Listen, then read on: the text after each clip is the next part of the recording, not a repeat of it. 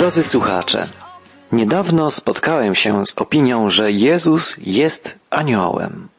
Rozmawiałem z osobą, która uważała się za prawdziwą chrześcijankę.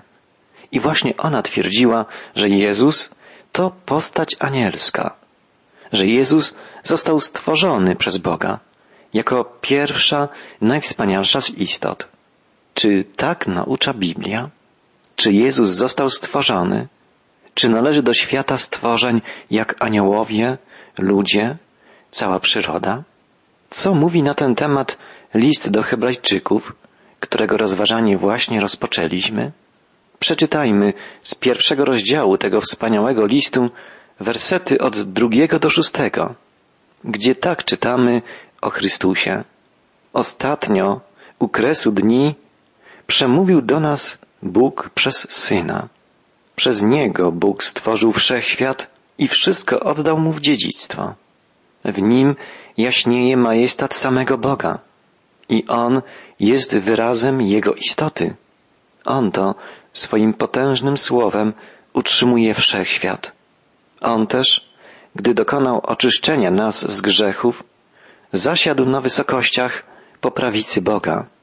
Przez to okazał się potężniejszym od aniołów i odziedziczył imię, które przewyższa imiona anielskie.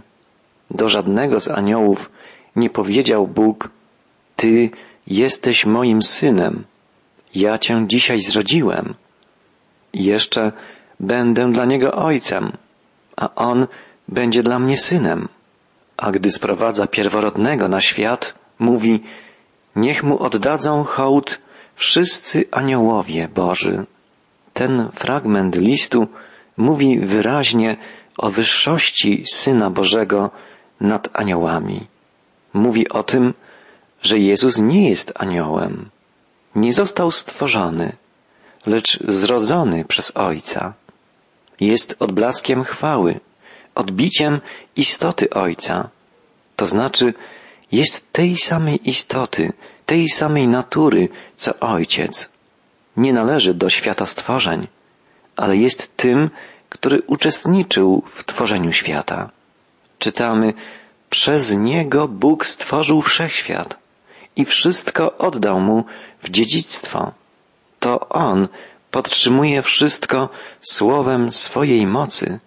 Pomyślmy, jak wielka jest moc tego, który utrzymuje cały wszechświat w harmonii, który podtrzymuje wszystko, co istnieje, potęgą swego słowa. Może to czynić jedynie Bóg, Ojciec i Syn i Duch Święty. On stworzył wszechświat potęgą swego słowa i utrzymuje go, kieruje nim. Dzięki swej niewyobrażalnie wielkiej mocy pomyślmy o ogromie wszechświata, stworzonego przez Boga, o ogromnej ilości materii i energii zgromadzonych we wszechświecie. Pomyślmy choćby o naszym Słońcu, które promieniuje ciepłem i światłem, umożliwiając nam życie na kuli ziemskiej. Słońce jest gwiazdą, jest kulą ciekłych gazów. Dzięki potężnym reakcjom chemicznym jest w stanie wydzielać energię przez miliony lat. A jest to jedna z niewielkich gwiazd, których jest niewyobrażalnie wiele. Miliardy, biliony.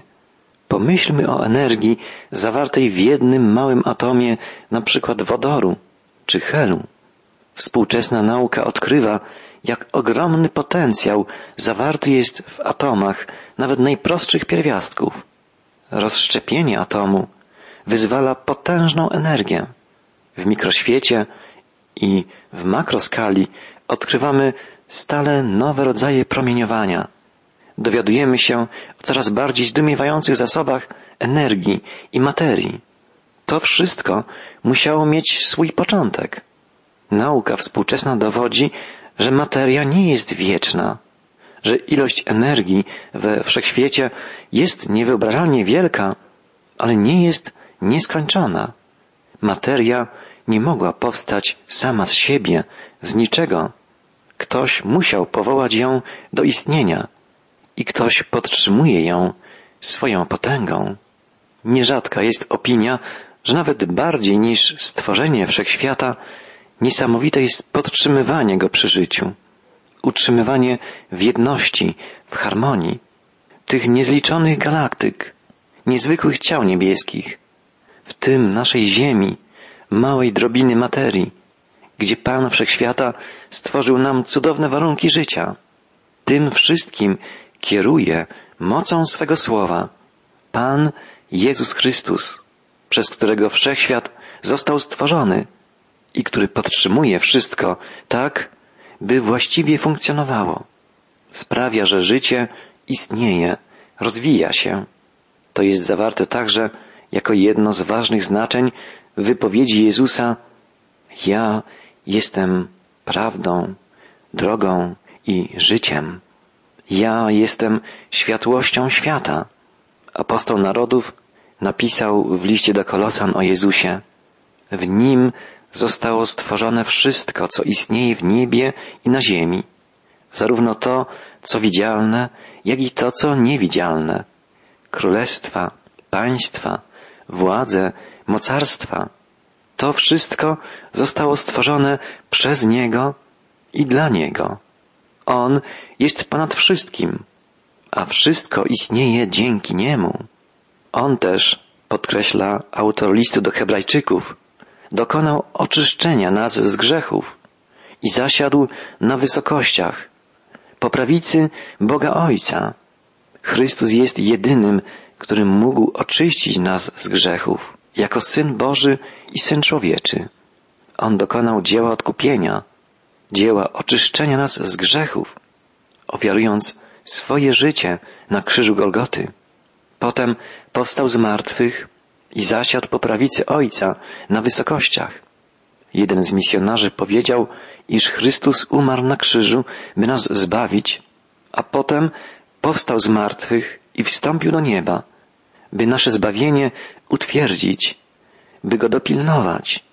Stawia się za nami, oręduje u Ojca, troszczy się o nasze życie jako arcykapłan, jako pasterz, zbawiciel i Pan. Autor listu pisze, przez to okazał się potężniejszy od aniołów i odziedziczył imię, które przewyższa imiona anielskie. Imię Jezus znaczy Zbawiciel. Jego nadejście zapowiadali prorocy, nazywając go Emanuelem. Emanuel znaczy Bóg z nami. Prorok Izajasz nazwał go cudownym doradcą, Bogiem mocnym, Ojcem odwiecznym. Tak, on jest potężniejszy od aniołów i odziedziczył imię, które przewyższa wszelkie imiona.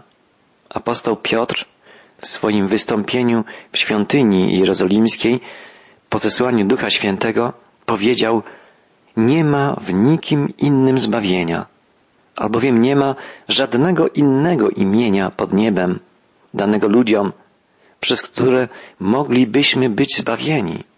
Nie ma wątpliwości, że Biblia naucza o wyższości Jezusa Chrystusa, Bożego Syna, nad aniołami. Autor listu do Hebrajczyków podkreśla tę prawdę bardzo mocno, bo adresuje swój list do Izraelitów, do Żydów, do Hebrajczyków, dla których aniołowie byli bardzo ważnymi pośrednikami, posłańcami Boga.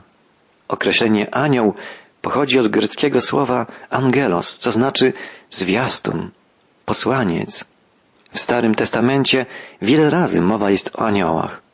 Przypomnijmy sobie na przykład sen patriarchy Jakuba. Czytamy w księdze Genezis, czyli w pierwszej księdze Mojżesza.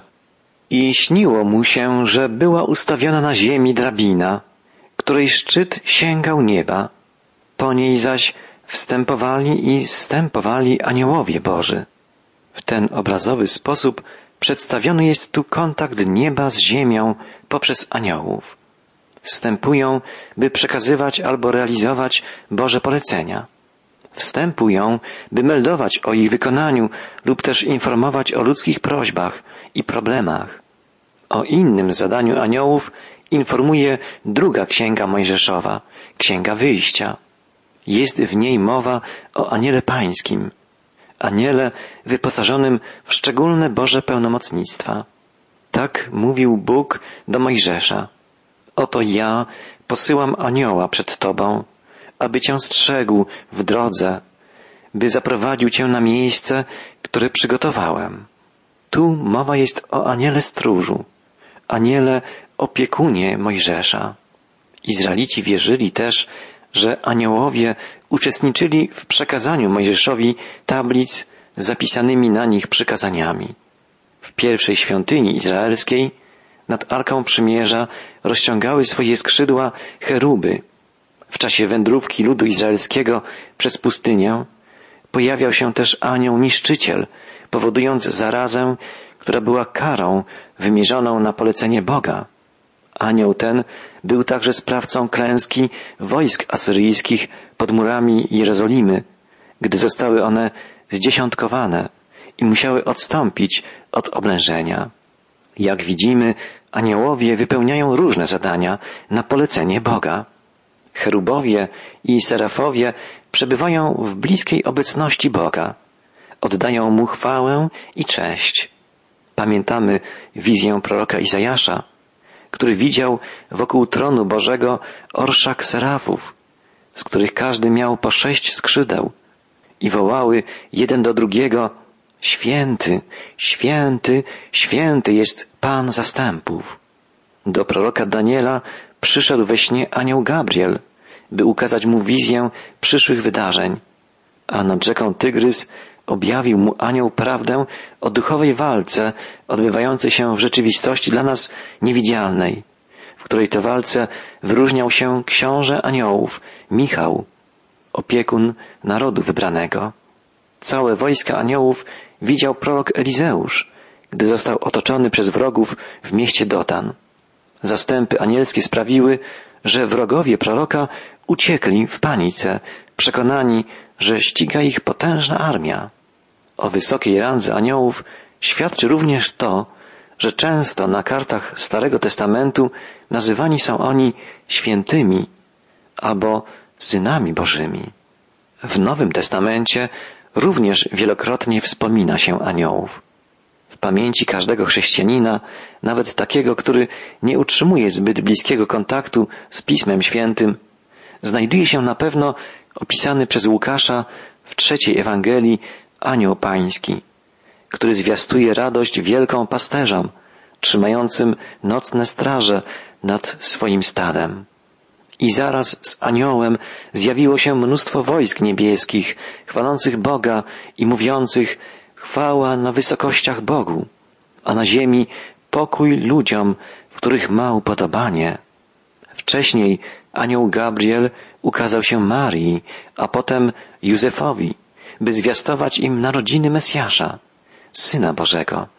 Większość biblistów uważa, iż wraz z przyjściem na świat Jezusa Chrystusa rola aniołów została ograniczona. Teraz, po wypełnieniu dzieła zbawienia przez Syna Bożego, mamy bezpośredni dostęp do Boga Ojca. Niepotrzebni już są inni pośrednicy. Jezus powiedział swoim uczniom, dotąd o nic nie prosiliście w imieniu moim. Proście, a weźmiecie, aby radość wasza była zupełna. Pan Jezus powiedział też, nikt nie przychodzi do Ojca inaczej, jak tylko przeze mnie. Ja jestem jedyną drogą. Zgodnie z obietnicą, po wstąpieniu do nieba, Jezus posłał na ziemię Ducha Świętego, który objawia wierzącym wszelkie Boże prawdy, naucza, pociesza, wzmacnia i prowadzi. On jest pocieszycielem. Jako duch prawdy jest nauczycielem, przewodnikiem, tu na ziemi. Zamieszkuje w ciele wierzącego człowieka, jak w świątyni, a w niebie oręduje za wierzących Pan Jezus, zmartwychwstały Pan, zwycięski Zbawiciel. Tak więc wraz z wypełnieniem przez Jezusa Chrystusa doskonałego dzieła odkupienia, rola aniołów, pośredników, posłańców Bożych została znacznie ograniczona. Autor listu do Hebrajczyków ukazuje tę prawdę, podkreślając na wiele sposobów wyższość i nadrzędność osoby i dzieła Chrystusa nad aniołami i ich służbą. Czyni to wiele razy cytując Stary Testament. Najpierw pisze jak czytamy w wierszu piątym. Do żadnego z aniołów nie powiedział Bóg, Ty jesteś moim synem. Ja Cię dzisiaj zrodziłem oraz będę dla niego ojcem. On będzie dla mnie synem. W tej wypowiedzi zawarte są dwa cytaty. Pierwszy pochodzi z psalmu drugiego, gdzie czytamy Tyś jest synem moim, jam cię dziś zrodził. Natomiast słowa Ja będę mu ojcem, a on będzie mi synem pochodzą z drugiej księgi Samuela. Obydwie wypowiedzi dotyczyły Mesjasza. Przypomnijmy, w jakich okolicznościach wypowiedziane zostały słowa zapisane w drugiej księdze Samuela. Bóg powiedział do Dawida, a gdy dopełnią się dni Twoje i zaśniesz ze swoimi ojcami, ja wzbudzę Ci potomka po Tobie, który wyjdzie z Twego rodu i utrwalę Twoje królestwo i utwierdzę tron królestwa Jego na wieki. Ja będę mu ojcem, a on będzie mi synem. Słowa te odnosiły się w jakimś stopniu do Salomona, który był następcą Dawida na tronie Izraela, ale docelowo odnoszą się one do wielkiego syna Dawida, Mesjasza Izraela, Chrystusa. On jest Bożym Synem jako Mesjasz z linii Dawida ustanowi u kresu czasów wieczne Boże Królestwo, jako Król Królów i Pan Panów. Prorocze słowa zapowiadały, wyjdzie z Twego rodu i utrwali Twoje Królestwo i utwierdzę tron Królestwa Jego na wieki. Ja będę mu ojcem, a on będzie mi synem. Jezus jest Bożym Synem. Ustanowi u kresu czasów wieczne Królestwo Pokoju. Tylko Jezus może wypełnić to proroctwo Starego Testamentu, potwierdzone tutaj w Nowym Testamencie, w liście do Hebrajczyków. Dalej czytamy w szóstym wierszu. A gdy sprowadza pierworodnego na świat, mówi, niech mu oddadzą hołd wszyscy aniołowie Boży. To znów słowa psalmu, tym razem psalmu 97.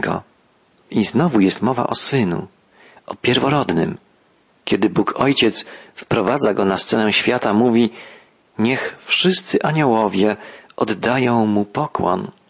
Nie ulega wątpliwości, iż Syn Boży, Jezus Chrystus, przewyższa autorytetem i mocą aniołów. Wszyscy oni mają oddać mu pokłon. W następnym, siódmym wierszu pierwszego rozdziału listu do Hebrajczyków znajdujemy kolejny cytat wyjęty z Księgi Psalmów. Czytamy, o aniołach zaś mówi, on sprawia, że anioły stają się jak wicher, a jego słudzy jak płomień ognia. O synu natomiast, tron Twój, o Boże, na wieki wieków. Aniołowie są sługami, posłańcami Boga.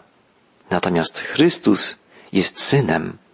I tak jak ojciec nazwany jest w proroczym psalmie Bogiem, to ogromna, niewyobrażalna wręcz różnica. Sługa jest kimś zupełnie innym niż syn. Tylko syn może zasiąść na tronie jako następca. Tylko on może objąć panowanie, a sługa może mu tylko usługiwać. Panowanie, o którym mówi zarówno natchniony psalmista, jak i autor listu, będzie panowaniem wiecznym. Jezus jest Panem wieczności. Jest wczoraj, dzisiaj i na wieki ten sam. On jest niezmiennym, zawsze obecnym Panem Wszechświata. Jest bardziej rzeczywisty i obecny, drogi słuchaczu, niż ktokolwiek z nas. Kiedy słuchasz słów nagranych przeze mnie, mnie może już nie być. W każdej chwili ja czy ty możemy zostać odwołani z tego świata, ale nigdy nie może spotkać to Jezusa. On jest żywym, zmartwychwstałym Panem i władcą wszystkiego, co istnieje. Wszystko przenika i nad wszystkim panuje. Panuje nad światem materialnym i duchowym, nad światem widzialnym i niewidzialnym. Panuje nad teraźniejszością i przyszłością nad doczesnością i wiecznością. Panuje co dzisiaj podkreślamy szczególnie nad światem aniołów. Cała nauka Nowego Testamentu bardzo wyraźnie stwierdza wyższość Jezusa nad aniołami. Owszem, wprawdzie na skutek wcielenia znalazł się Jezus na krótko w położeniu niższym niż aniołowie, którzy są bytami duchowymi. O tym będzie pisał autor listu w dalszej części. Jednak jako Syn Boży Jezus zasługiwał na ich uwielbienie i zasługuje na nasze uwielbienie. Pamiętajmy, w Nim zostało stworzone wszystko, co jest na niebie i na ziemi. Aniołowie, potężne i tajemnicze niebiańskie istoty, niższe są od tego, który dla nas wszystkich, dla Ciebie i dla mnie uniżył się i to uniżył się aż do śmierci krzyżowej. Uniżył się tak bardzo, a przecież Jego wielkości nie da się niczym ograniczyć i nie da się niczemu ani nikomu podporządkować. On jest Panem, Panem ludzi i Panem aniołów.